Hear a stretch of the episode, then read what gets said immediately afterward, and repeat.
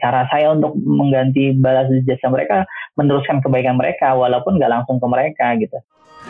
Hai, selamat datang di Leaders Journal. Gua Darmaji Suradika, gua percaya pemimpin tidak dilahirkan, tapi dibangun oleh serangkaian cerita, nilai-nilai, dan kebiasaan kecil yang dilakukan secara konsisten. Di podcast ini, gue akan ngobrol bareng para pemimpin dan belajar dari cerita di balik kepemimpinan mereka. Halo teman-teman Leaders Journal, kembali lagi di podcast Leaders Journal Pemimpin.id. Hari ini kita akan mewawancara satu pemimpin di Indonesia. Eh, ini juga mentor sekaligus guru gitu ya. Kita bisa bilang pembina dari Pemimpin.id. Jadi aku pribadi belajar banyak banget dari pemimpin kita hari ini. Sama seperti episode-episode sebelumnya, jadi kami di Pemimpin.id ingin membuktikan gitu ya statement kami bahwa tidak ada pemimpin yang dilahirkan. Pemimpin itu selalu dibentuk oleh oleh rangkaian cerita, perilaku-perilaku kecil, habit-habit kecil, cerita-cerita mentoringnya mereka, kejadian ups and down sehari-hari yang akhirnya itu membuat mereka menjadi pemimpin gitu. Nah, hari ini kita akan membahas lebih banyak tentang cerita kepemimpinan dari seorang pemimpin yang terkenal di dunia pendidikan gitu ya. Langsung aja kita panggil. Halo Mas Ivan Ahda. Halo Mas Halo, Ivan. Apa kabar Mas? Assalamualaikum. Siang. Alhamdulillah. Sehat. Silakan ya, Mas ya, Ivan ya, perkenalan dulu Mas. Oke. Okay. Thank you uh, Aji, halo semua teman-teman uh, pemimpin ID, teman-teman pegiat kepemimpinan. Selamat siang, salam kenal. Saya Ivan Ahda, biasa dipanggil Ivan. Saat ini bersama Aji kerja barengan di pemimpin ID. Saya saat ini hmm. lagi banyak berkutat di dunia pendidikan, masih menjadi ketua jaringan semua guru, itu perkumpulan komunitas organisasi pendidikan seluruh Indonesia. Selain juga masih aktif di uh, Pusat Studi Pendidikan Kebijakan sebagai deputi direktur. Hmm. Ini PSPK bisa dibilang think tank dan uh, Research and Advocation Center gitu ya untuk policy education. Mm-hmm. Jadi kira-kira itu ya di luar hal yang lain saat ini banyak jadi advisory aja di Yayasan Dampak Sosial Indonesia dan teman-teman di Maksima. So far itu Ji. Oh iya, saya okay. jadi ketua ikatan alumni psikologi UI. jadi banyak seragamnya Mas Ivan. Oke, okay. ya Mas Ivan, kita mulai dulu dari masa kecilnya Mas Ivan deh gitu. Karena kan kita percaya bahwa value seorang pemimpin itu ditanamkan bahkan pada saat mereka dari kecil ya. Mungkin Mas Ivan lebih tahu ya psikolog gitu kan, dari golden age biasanya dari masih kecil banget. Nah, kalau bisa diceritain sedikit Mas Ivan, bagaimana masa kecilnya seorang Ivan Ahda gitu Mas dan keterkaitannya dengan kepemimpinan gitu. Ya, ya. Thank you ya. Ini menarik ya kalau ngomongin tentang flashback. Karena saya ini anak keenam dari enam bersaudara. Almarhum bapak saya guru. Kayaknya guru ngaji apa guru agama gitu jadi darah darah gurunya insya Allah mudah-mudahan terus ada gitu ya. Saya anak bungsu tapi memang karena jarak usia antar saya dan kakak saya itu agak jauh ya. Dengan kakak pertama udah wafat juga itu sekitar 20 tahun. Relatif memang whole family itu kayak emang bukan urusan masing-masing. Jadi memang benar-benar struggling masing-masing gitu ya. Dan satu keluarga itu introvert semua, jadi memang jarang nih melakukan dialog. Ada kan kultur keluarga kita kan sering ngobrol gitu di misalnya di sekolah lagi ngapain, kena apa dan seterusnya. Itu sesuatu yang tuh biasa dulu nggak nggak sempat banyak saya rasakan apa waktu kecil gitu kan. SD di Jakarta lama kelas 1 SMP saya waktu itu memutuskan untuk merantau ke puncak karena hmm. pengen dekat sama kakak saya di Cipanas, tapi cuma setahun. Hmm. Tapi setahun itu menurut saya sangat berharga karena di situlah kali pertama saya mengenal organisasi secara lebih dekat gitu ya. Jadi saya aktif di Pramuka waktu SMP kelas 1 tapi pas lagi aktif-aktifnya saya balik lagi tuh. Jadi kelas 2 SMP udah ke Jakarta lagi. Akhirnya saya pas di Jakarta SMP tuh di SMP 31 itu aktif lah di organisasi. Menemukan kayak memang seru aja sih ikut organisasi. Sampai kemudian pas mau pilih sekolah SMA saya ingat banget waktu dulu kak saya bilang gini SMA tuh harus masuk SMA 8 kalau nggak nggak usah sekolah. Waktu zaman dulu itu kan masih ini ya masih ada sekolah unggulan ya Ji. Ya udah saya coba masuk SMA 8 dan akhirnya masuk lah Nah, yang belum berubah ya sampai waktu itu sih basically saya aktif tapi bukan tipe orang yang populer ya. Maksudnya kayak memang senang tampil di publik gitu menyenangi. Tapi emang emang senang aja gitu. Nah di setelah saya lebih dalam lagi kenal organisasi salah satu yang kemudian juga saya ingat betul ya dalam perjalanan hidup saya tuh saya relatif tidak banyak aturan ya. Maksudnya gini jadi orang tua tuh menyerahkan sepenuhnya pilihan-pilihan saya ikut organisasi pilihan belajar dan seterusnya. Nggak terlalu banyak restriction lah gitu. Di SMA 8 saya ikut ekskul namanya dulu subseksi ya. Saya ikut ada rohani Islam, sains perpustakaan tuh kayak kir gitu kan. Terus pelang merah remaja dan koperasi siswa ada empat ekskul yang saya ikutin. Walaupun basically yang aktif banyak cuma dua ya di rohi sama sains perpustakaan. Nah waktu itu menjelang kelas 2 ada biasa namanya LKS ya latihan kepemimpinan siswa Hmm, kan ikut yeah, buat calon-calon yeah. pengurus osis tahun depan kan gitu udahlah ikut nah biasa kan di situlah ketemu orang-orang perwakilan yang hebat-hebat lah. Basically saya juga maksudnya nggak ada perubahan juga maksudnya kayak orang kayak biasa aja emang pendiam relatif nggak banyak ngomong gitu. Nah sampai pada satu titik ternyata proses itu banyak menempa saya sih ya biasalah berargumentasi, presentasi. Ada berapa waktu itu saya ingat banget belum punya handphone dan belum punya laptop kan. Jadi ada tugas-tugas bikin makalah tuh Ji. Nah Hmm, hmm. bingung kan suruh bikin makalah sementara mostly teman-teman saya kan ya SMA 8 tahu sama tahu ya mungkin kalangan ekonomi menengah ke atas kan gitu ya waktu itu saya agak stuck kan bingung untung saya dari nanya aja ada osis kelas 3 tuh saya kelas 1 kan saya bilang mau numpang ngetik makalah osis boleh nggak udah boleh nginep kan? Nginep nginep. Setelah itu semua begadang bikin paper lah. Nah tapi itulah kemudian karena ada banyak keterbatasan gitu ya Ji membuat saya mau nggak mau kan harus nyari orang segala macam. Rumah saya waktu itu saya nyewa rumah Hmm. ngontrak karena biar dekat sekolah gitu. Jarak 5 menit jadi saya sering banget abis pulang sekolah main bola dulu. Nah main bola itulah yang Oke. mendekatkan saya dengan senior. Jadi populernya di senior karena main bola bareng kan gitu. Nah Eh, Tadi balik ke tadi ya singkat cerita intinya saya waktu itu masuk proses seleksi osis masuk ke tujuh besar kalau nggak salah kan. Nah cuman Mhm. eh, sebelum tujuh besar itu diumumkan di publik ke angkatan saya ikut LKS dengan satu angkatan yang terpilih itu saat yang bersamaan ada proses pemilihan ketua ekskul. Jadi kan harusnya ketua ekskul dipilih setelah ketua osis kan. Nah tapi waktu itu Hmm, kayaknya hmm. berjalan berbarengan. Nah intinya waktu itu saya masuk dalam kandidat ketua rohis dan jadi kepilih ketua rohis. Oke, oke. Jadi di saat bersamaan pada saat pengumuman tujuh besar udah bukan tujuh jadinya enam karena kan nama saya udah exclude kan udah nggak ada kan. Oh, ya, ya, ya, ya. Kebayang nggak? Jadi saya udah kepilih jadi ketua osis duluan, habis itu baru pengumuman otomatis mundur dong udah kepilih. Nah saya nggak tahu gimana caranya besok harinya habis kepilih saya didatangin sama senior osis kan. Katanya saya diminta lagi Ivan bisa nggak ikut lagi seleksi dari tujuh ke tiga besar kan? Saya bilang lah kan saya udah jadi ketua rohis kak saya nggak bisa dong gini-gini. Terus pokoknya mereka dan guru merasa butuh kandidat lain nih. Oh ya udah terus kan saya minta izin dulu dong boleh nggak saya ikut ini kan gitu. Dan akhirnya malah kepilih tiga besar tuh sempet rame kan. Tinggal cerita akhirnya saya jadi ketua osis suaranya waktu itu 50% lebih ya di antara dua orang yang lain. Wow. Ya udah sisanya sih ya karena aktif aja terus kelas 3 bikin sesuatu juga Mhm. Ya sampai ke kampus saya ikut kegiatan BEM segala macam basically mungkin secara singkat bisa dibilang saya bersyukur dan beruntung ya banyak kebebasan yang saya alami ya Ji sehingga banyak eksperimen walaupun eksperimennya Hmm. nggak selalu hasilnya smooth ya di kampus saya Hmm. pernah pada satu titik beberapa keputusan saya ambil membuat saya tuh IPK saya turun satu jadi dari 3 koma jadi 2 koma ya itu benar-benar inilah sempat Hmm. juga kayak dulu saya ketua angkatan cuman sempat hilang di angkatan karena sibuk banget kemudian kan karena dari dulu saya struggling juga jadi kuliah itu dapat beasiswa dan tingkat berapa saya udah cari kerja sampingan sih nah tapi cari Hmm. kerja sampingan itu yang membuat saya ketemu banyak mentor sampai sekarang kemudian saya menjadi guru juga honorer selama satu setengah tahun menjelang kelulusan jadi itulah yang saya pikir banyak tertempa ya karena kesulitan hidup eh, keterbatasan tapi ya Hmm. mau nggak mau kita harus tetap bertahan hidup dan, dan itulah yang ngasah sih sejauh ini gitu Ya, ya. gitu Oke, oke, oke.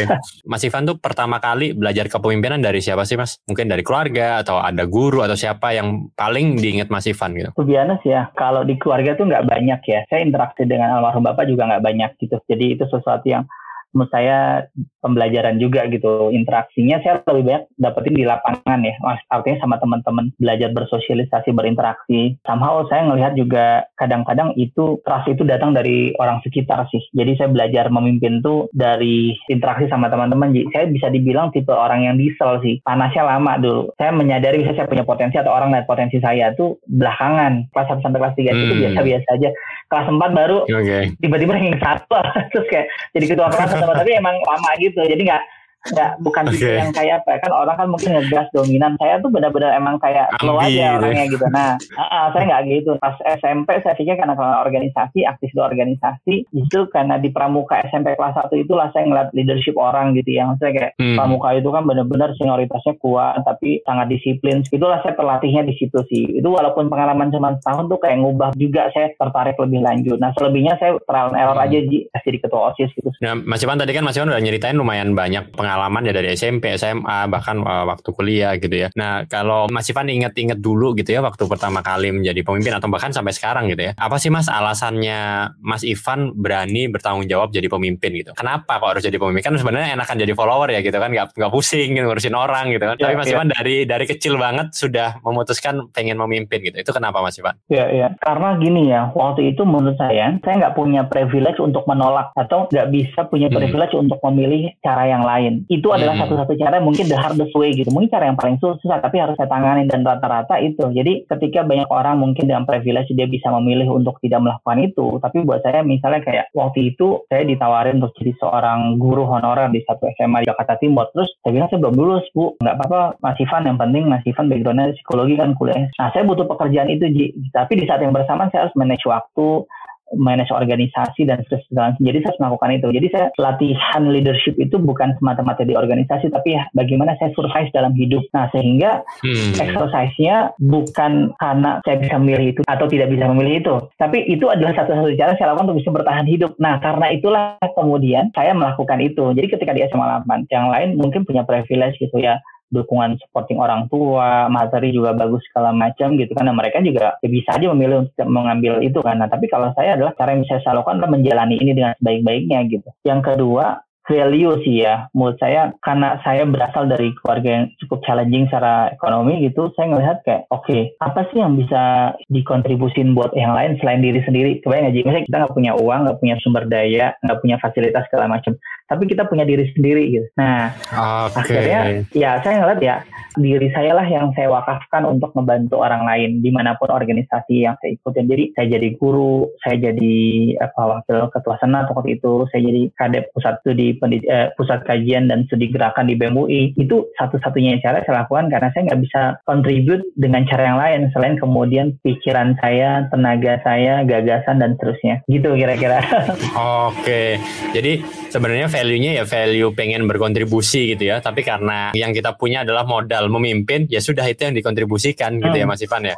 Dan value kontribusi sederhana gini, saya ngerasa dalam hidup saya banyak banget dibantu orang lain. Jadi saya pay it forward aja sebenarnya. Jadi saya ngerasain betapa saya bersyukur pada saat saya susah bayar kuliah terus ada senior nawarin kerjaan dan karena kerjaan itu saya bisa bayar kuliah gitu nggak saya nggak dikasih uang tapi kayak kan ini ada kerjaan part time lo mau ambil nggak kalau ambil lo dapat gaji dari sini dan gajinya bisa lo pakai kan gitu nah jadi saya bayangin ya kalau saya berada di posisi seniority yang udah punya sumber daya punya keluangan materi misalnya kan saya akan melakukan hal yang sama gitu kan untuk yang lain gitu jadi saya ngerasa itulah dan menjadi pemimpin menurut saya ini adalah salah satu cara yang secara values adalah contribute to others gitu. Ini bagian dari kita mensyukuri juga kan. Ya terlepas bahwa kita esensi as a leaders gitu ya. Tapi basically menurut saya salah satu yang perlu eh, difahami kalau saya adalah ini bentuk syukurnya saya, bentuk berterima kasihnya saya dapat banyak dibantu oleh orang lain, orang-orang baik gitu kan, dan ketemu banget di berbagai fase hidup. Nah, cara saya untuk mengganti balas jasa mereka, meneruskan kebaikan mereka, walaupun nggak langsung ke mereka gitu. Oke, oke.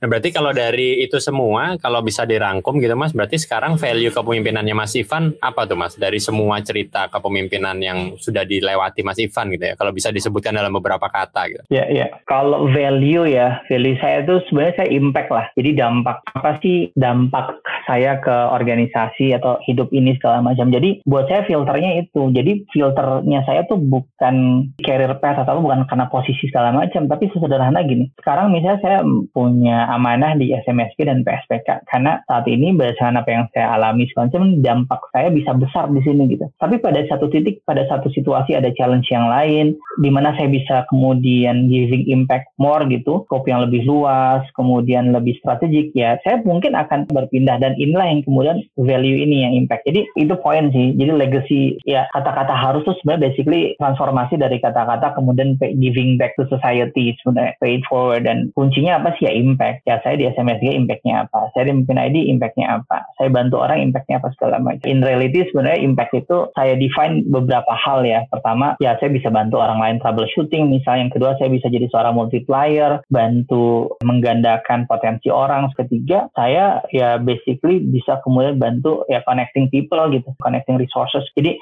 saya nggak selalu kemudian memiliki semua, tapi saya bisa membantu orang menemukan apa yang dia butuhkan gitu. Itu sih. Wow, itu benar banget sih. Jadi sepanjang aku kenal sama Mas Ivan ya, ya itulah Mas Ivan gitu ya, yang multiplier. Habis itu misalnya maximizer gitu ya, orang bisa apa dimaksimalin potensinya sama Mas Ivan gitu ya. Iya, iya, iya. Ini juga sesuatu yang saya ngerasa kayak kan act of leadership orang beda-beda ya Ji. Saya sejauh ini bersyukur sudah menemukan itu sehingga buat saya nggak nggak gampang lah kalau ngelihat ada orang lain gitu. Kita nggak usah iri kita nggak usah justru harus senang karena tadi setiap orang tuh punya kekuatan masing-masing dan nggak gampang galau sih poinnya ya as leaders ya. Jadi kayak ya kita punya cara kita sendiri untuk contribute dan ngasih impact. Dan mungkin berbeda cara ini ini itu oke nggak apa-apa. Oke okay, oke okay. dan eh, intinya adalah setiap orang setiap leader punya stylenya masing-masing. Jadi nggak usah uh, ngiri sama orang nggak usah insecure gitu ya mas ya karena semua orang punya kelebihan leadershipnya masing-masing gitu ya. Oke okay, mas Ivan kalau tadi nyeritain tentang kehidupannya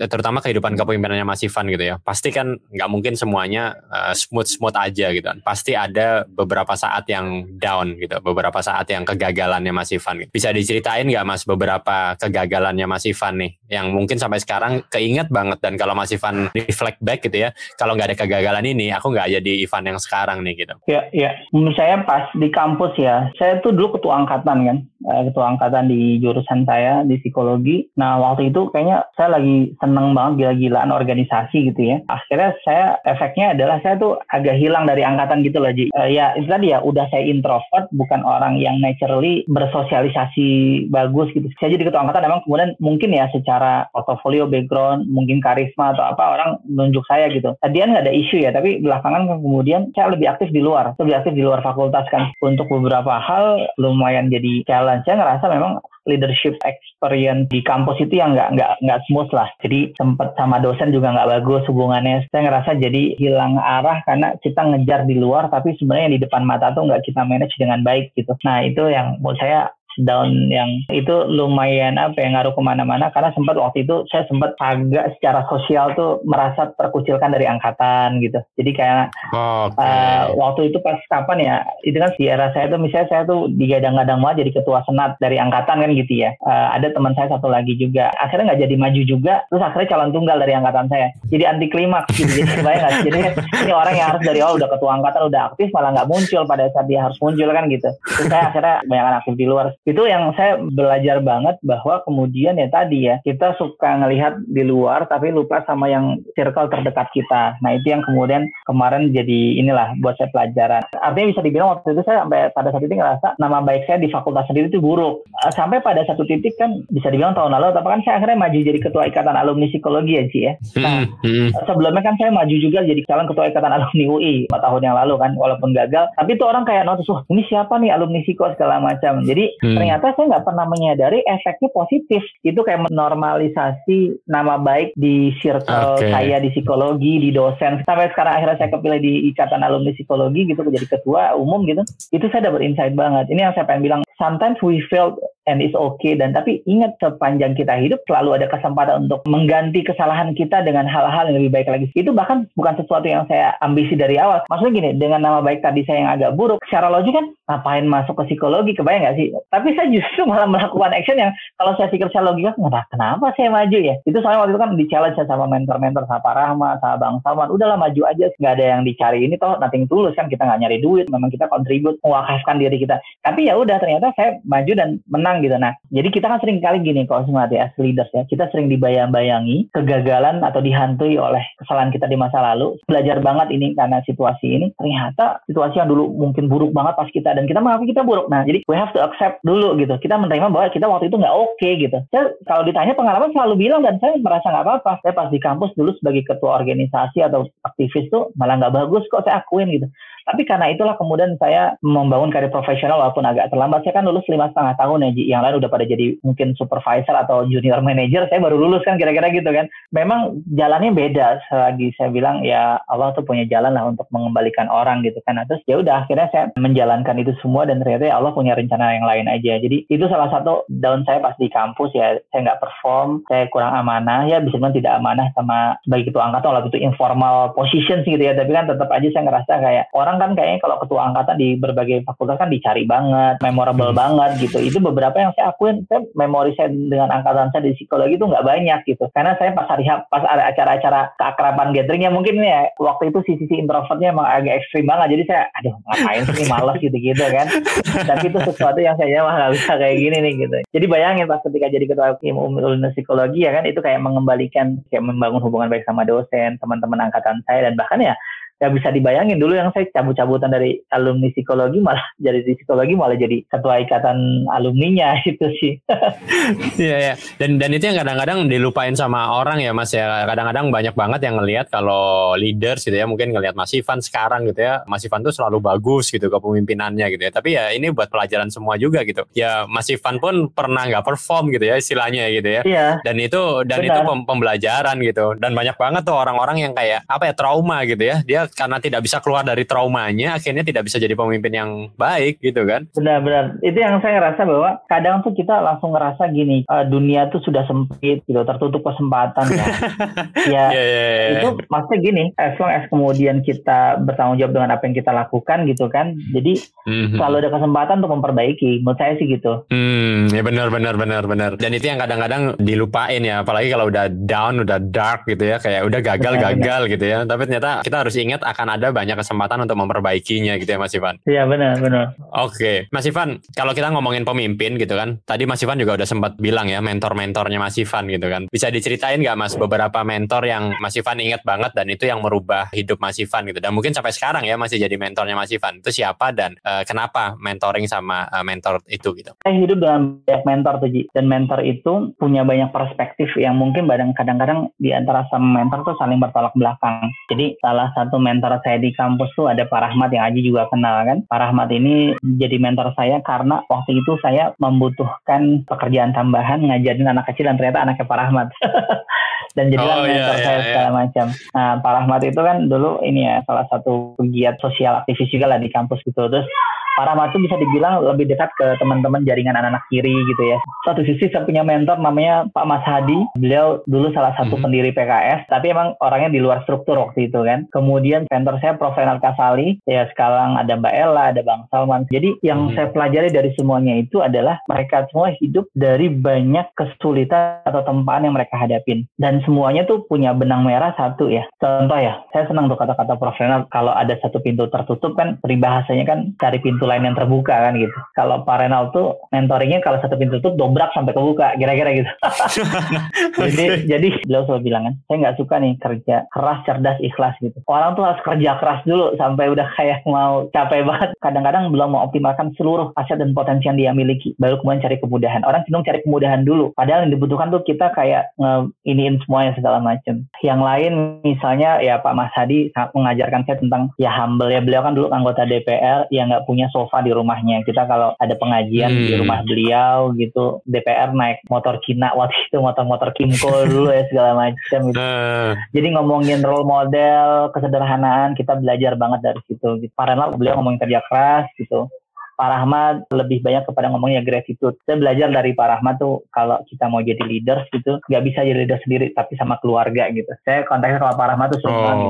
Ya karena beliau banyak banyak sisi political side ya. Beliau bilang gini, berapa banyak tokoh-tokoh yang kita tahu tuh ya terkenal gitu. As a leaders mungkin punya exposure bagus, tapi kemudian divorce, keluarga berantakan, segala macam. Jadi Pak Rahmat yang selalu ngajarin gitu kalau kita jadi leaders tuh empowering pasangan kita segala macam gitu. gitu. Hal-hal yang kayak gitu ya seperti terakhir ya yang sama-sama kita belajar ada ada Mbak Ella, ada Bang Salman itu. Mm-hmm. Saya belajar banyak tentang eh, bagaimana learning gitu dan percaya akan potensi diri kita sendiri yang begitu banyak gitu. Jadi to be honest kan sebenarnya leverage dan juga exposure saya yang lumayan banyak banget ya semenjak saya kenal Bang Salman kan 2019 Betul. awal ya. Terus ketemu yeah. Mbak Ella, udah kenal Mbak Ella tapi baru intens kerja barengan. Nah, ini yang menurut saya yang banyak banget saya pelajarin di dari mentor-mentor itu gitu, Ji. Oke, okay, oke. Okay. Mungkin bisa ditambahin dikit Mas Ivan. Kenapa sih sebenarnya kita harus punya mentor gitu, Mas? Ini kan pendengar kita masih anak-anak muda-muda nih gitu ya. Mungkin ada yang belum punya mentor gitu. Kenapa harus punya, Mas? Dan mentor seperti apa gitu yang dicocokin gitu ya? Ya, menurut saya punya mentor itu bisa motong learning cost ya kalau ngomongin satu hal. Jadi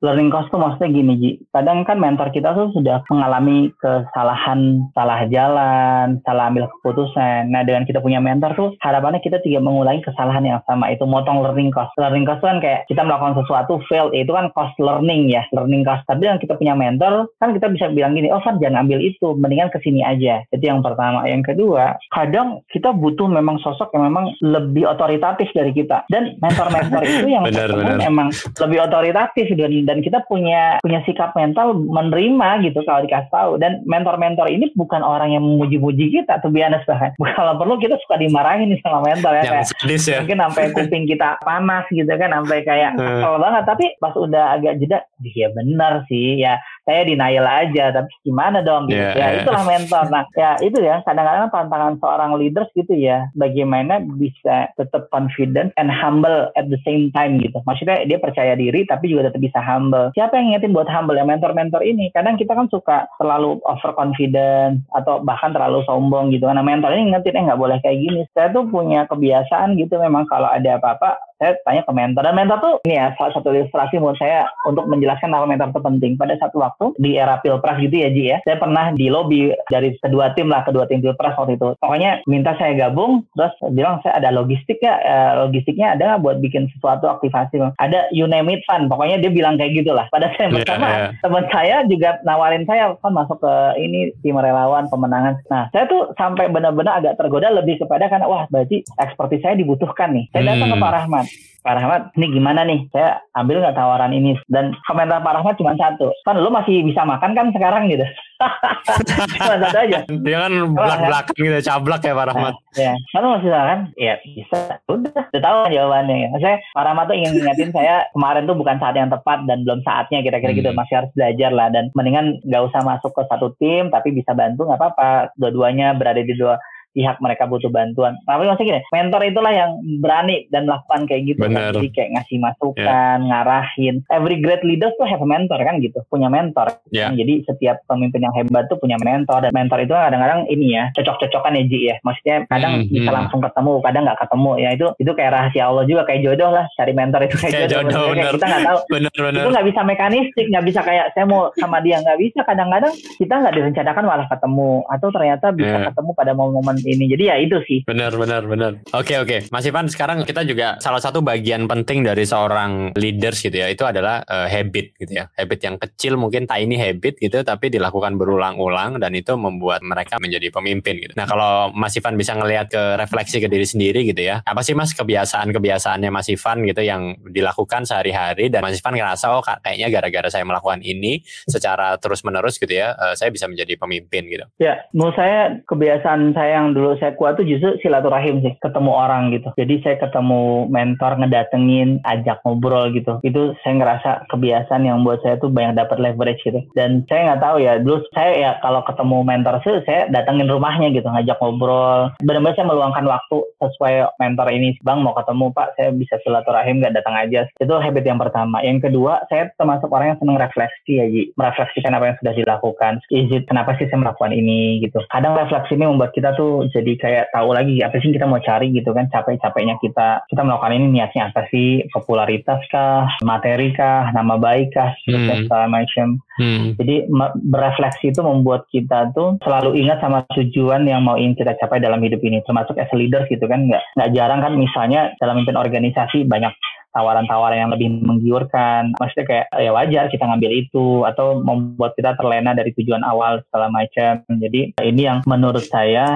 akhirnya refleksi itu membuat saya lebih kuat sih menjejak dalam hidup. Nah yang ketiga kebiasaan as leader saya tuh ini sih memang ini agak ini ya beda. Jadi saya menjadikan pasangan itu sebagai partner ya. Maksudnya gini, kenapa ini ada hubungan sama leadership? Karena ketika melihat perjalanan hidup, saya nggak bisa melihat saya as a person gitu. Saya ngebawa anak, istri, keluarga gitu. Jadi keputusan-keputusan strategis apa yang saya hadapi itu pasti berimbas sama mereka kan. Maksudnya kayak saya punya problem Betul. di organisasi, punya problem di kerjaan. Jadi itu saya meluangkan waktu. Jadi saya kalau lagi stuck segala macam, saya sengaja ngajak jalan gitu kayak. Nah justru habit-habit kayak sebenarnya road trip itu saya senangi jalan darat sambil nyetir, bukan nyetir karena ngobrolnya. Itu yang hmm. yang yang mahal ya maksudnya. Itu Bener. yang saya ngerasa. Saya nggak tahu ini very personal ya. Tapi maksudnya gini ya kan kalau habit baca buku, courses itu sesuatu yang kayaknya sih orang pasti bisa dan itu beda-beda. Kalau saya tuh sangat, yeah. buat saya yang sangat empowering adalah karena kita ngobrol dan diskusi sama pasangan, mereka tuh empowering kita kan. Jadi ketika kita di menghadapi dilema keputusan sulit kan, kalau pasangan udah pokoknya support deh apa pun yang diambil, udah senang banget kan kita. Jadi yeah, resikonya tuh kita sama-sama ini. Nah, saya ngerasa itu yang maksud saya as leaders gitu ya. Kalau misalnya kita punya, ya mungkin yang pasangan ini kan dalam makna yang lain kita punya supporting system ya, supporting Bener. system yang lain atau atau inner circle ya teman-teman ya bisa manfaatkan itu. Di beberapa manajemen kajian manajemen kan dibilang kayak mastermind group gitu kan. Jadi kayak ada ada grup hmm. kecil yang biasa tempat untuk kita saling nge-challenge gue mau kayak gini gimana ya? Segala macam. Mereka tuh supporting gitu dan mereka tahu kita luar dalam jadi mereka tuh emang ngasih masukan segala macam. Kalau enggak enggak gitu. Buat kita yang udah punya pasangan hidup kan ya siapa lagi sih partner kita kalau enggak yeah. mereka kan? Kalau enggak pasangan kita kalau kita mau ngambil keputusan dan seterusnya bener bener bener bener berarti buat yang jomblo-jomblo cari dulu ya pasangan hidup ya ya itu itu salah satu kunci oke okay. ya uh, Mas Ivan tadi kita udah ngomongin kepemimpinannya Mas Ivan sampai saat ini ya. Nah sekarang kita sedikit satu pertanyaan tentang uh, what's next nih Mas gitu. Kalau Mas Ivan udah ngelihat semua pencapaian Mas Ivan sampai sekarang gitu ya. Apalagi nih Mas? Apa yang belum tercapai dan kepemimpinan Mas Ivan pengen ke arah mana lagi sih Mas? Ya ini really good questions ya. Salah satu yang ya kritik mentor terhadap saya adalah saya dianggap kurang decisif or ambisius. Karena saya sering banget go with the flow gitu. Maksudnya gini, uh. karena pengalaman hidup saya secara psikologi saya nggak punya privilege memilih gitu loh Ji. Kebayang ya? Maksudnya hidup saya tuh bukan rangkaian saya punya opsi-opsi you can choose one of it gitu. Gak kayak gitu, tapi kayak udah ngelakuin aja. Nah, tapi efeknya kepada saya memang kayak udahlah jalanin dulu aja. Walaupun saya filosofi itu saya pakai ya. Filosofi saya sekarang kan gini. Sekarang saya ngerjain apa? Do the best aja, lakukan yang terbaik. When, uh, when the opportunity gitu atau ada ada kesempatan untuk kasih impact lebih segala macam pasti akan kelihatan. Jadi atau kata-kata Pak Rahmat gini, ya berselancar aja dalam pilihan-pilihan kehidupan gitu. Kita udah nggak relevan banget harus milih abis ini, pas ini, pas ini. Dunia tuh nggak linear kayak gitu deh. Siapa yang nyangka misalnya Aji dua tahun lalu di Siemens tiba-tiba ada pemimpin ID kan nggak ada yang pernah masuk yeah. dalam logika hidupnya Aji kan gitu ya. Maksudnya kita semua kan kayak gitu ya. Jadi kita nggak pernah berpikir. Tapi kalau kita misalnya di pemimpin ID giving the best itu nanti tiba-tiba akan ada opportunity ketemu mentor yang lebih oke, okay, nawarin yang lanjutan sekolah lagi atau megang organisasi. Itu hal-hal yang nggak bisa ketakar dalam kotak manusia dan saya memahamin hal itu. Nah,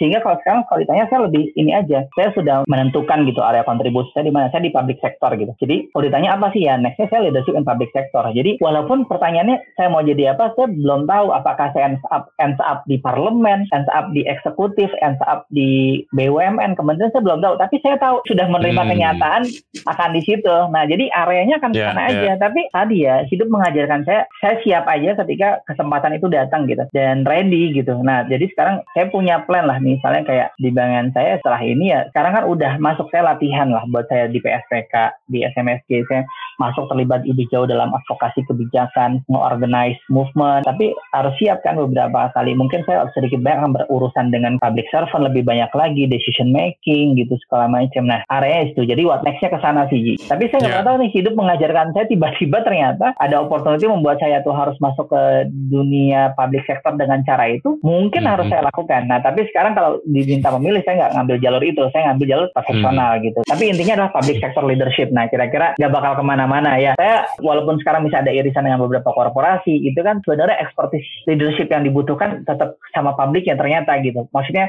yeah. bukan di sisi governance bisnisnya gitu. Nah itu yang menurut saya kayaknya ya arahnya sih udah ke sana Ji. Oke okay. mungkin untuk menutup Mas ini pertanyaan yang aku tanyain juga ke semua pembicara gitu ya pertanyaan yang sama. Mas kalau seandainya Mas Ivan ada kesempatan gitu ya Mas Ivan bisa kembali ke Mas Ivan Ahda di umur 20. Mas Ivan bakal ya, ya. ngomong apa tuh Mas ke Mas Ivan Ahda di umur 20 itu Mas? Ya, lebih percaya sama diri sendiri gitu. Udah jangan usah takut, percaya sama diri sendiri. Pokoknya Allah selalu punya jalan keluar. Saya ngerasa di usia-usia itu adalah saat-saat di mana kemudian saya lebih banyak holding back kan. Holding back karena maksudnya punya banyak uh, difficulties, challenge gitu. Dan sehingga kemudian buat saya tuh nggak bisa mengeksplor banyak hal. Jadi saya rasa eksplorasi banyak hal itu justru ketika tahun-tahun ya udah menikah berkeluarga building bisnis gitu. Padahal hmm. mungkin bisa jadi saat itu kalau saya bisa mengekspor lebih banyak hal lagi, lebih confidence mungkin akan lebih banyak gitu sih.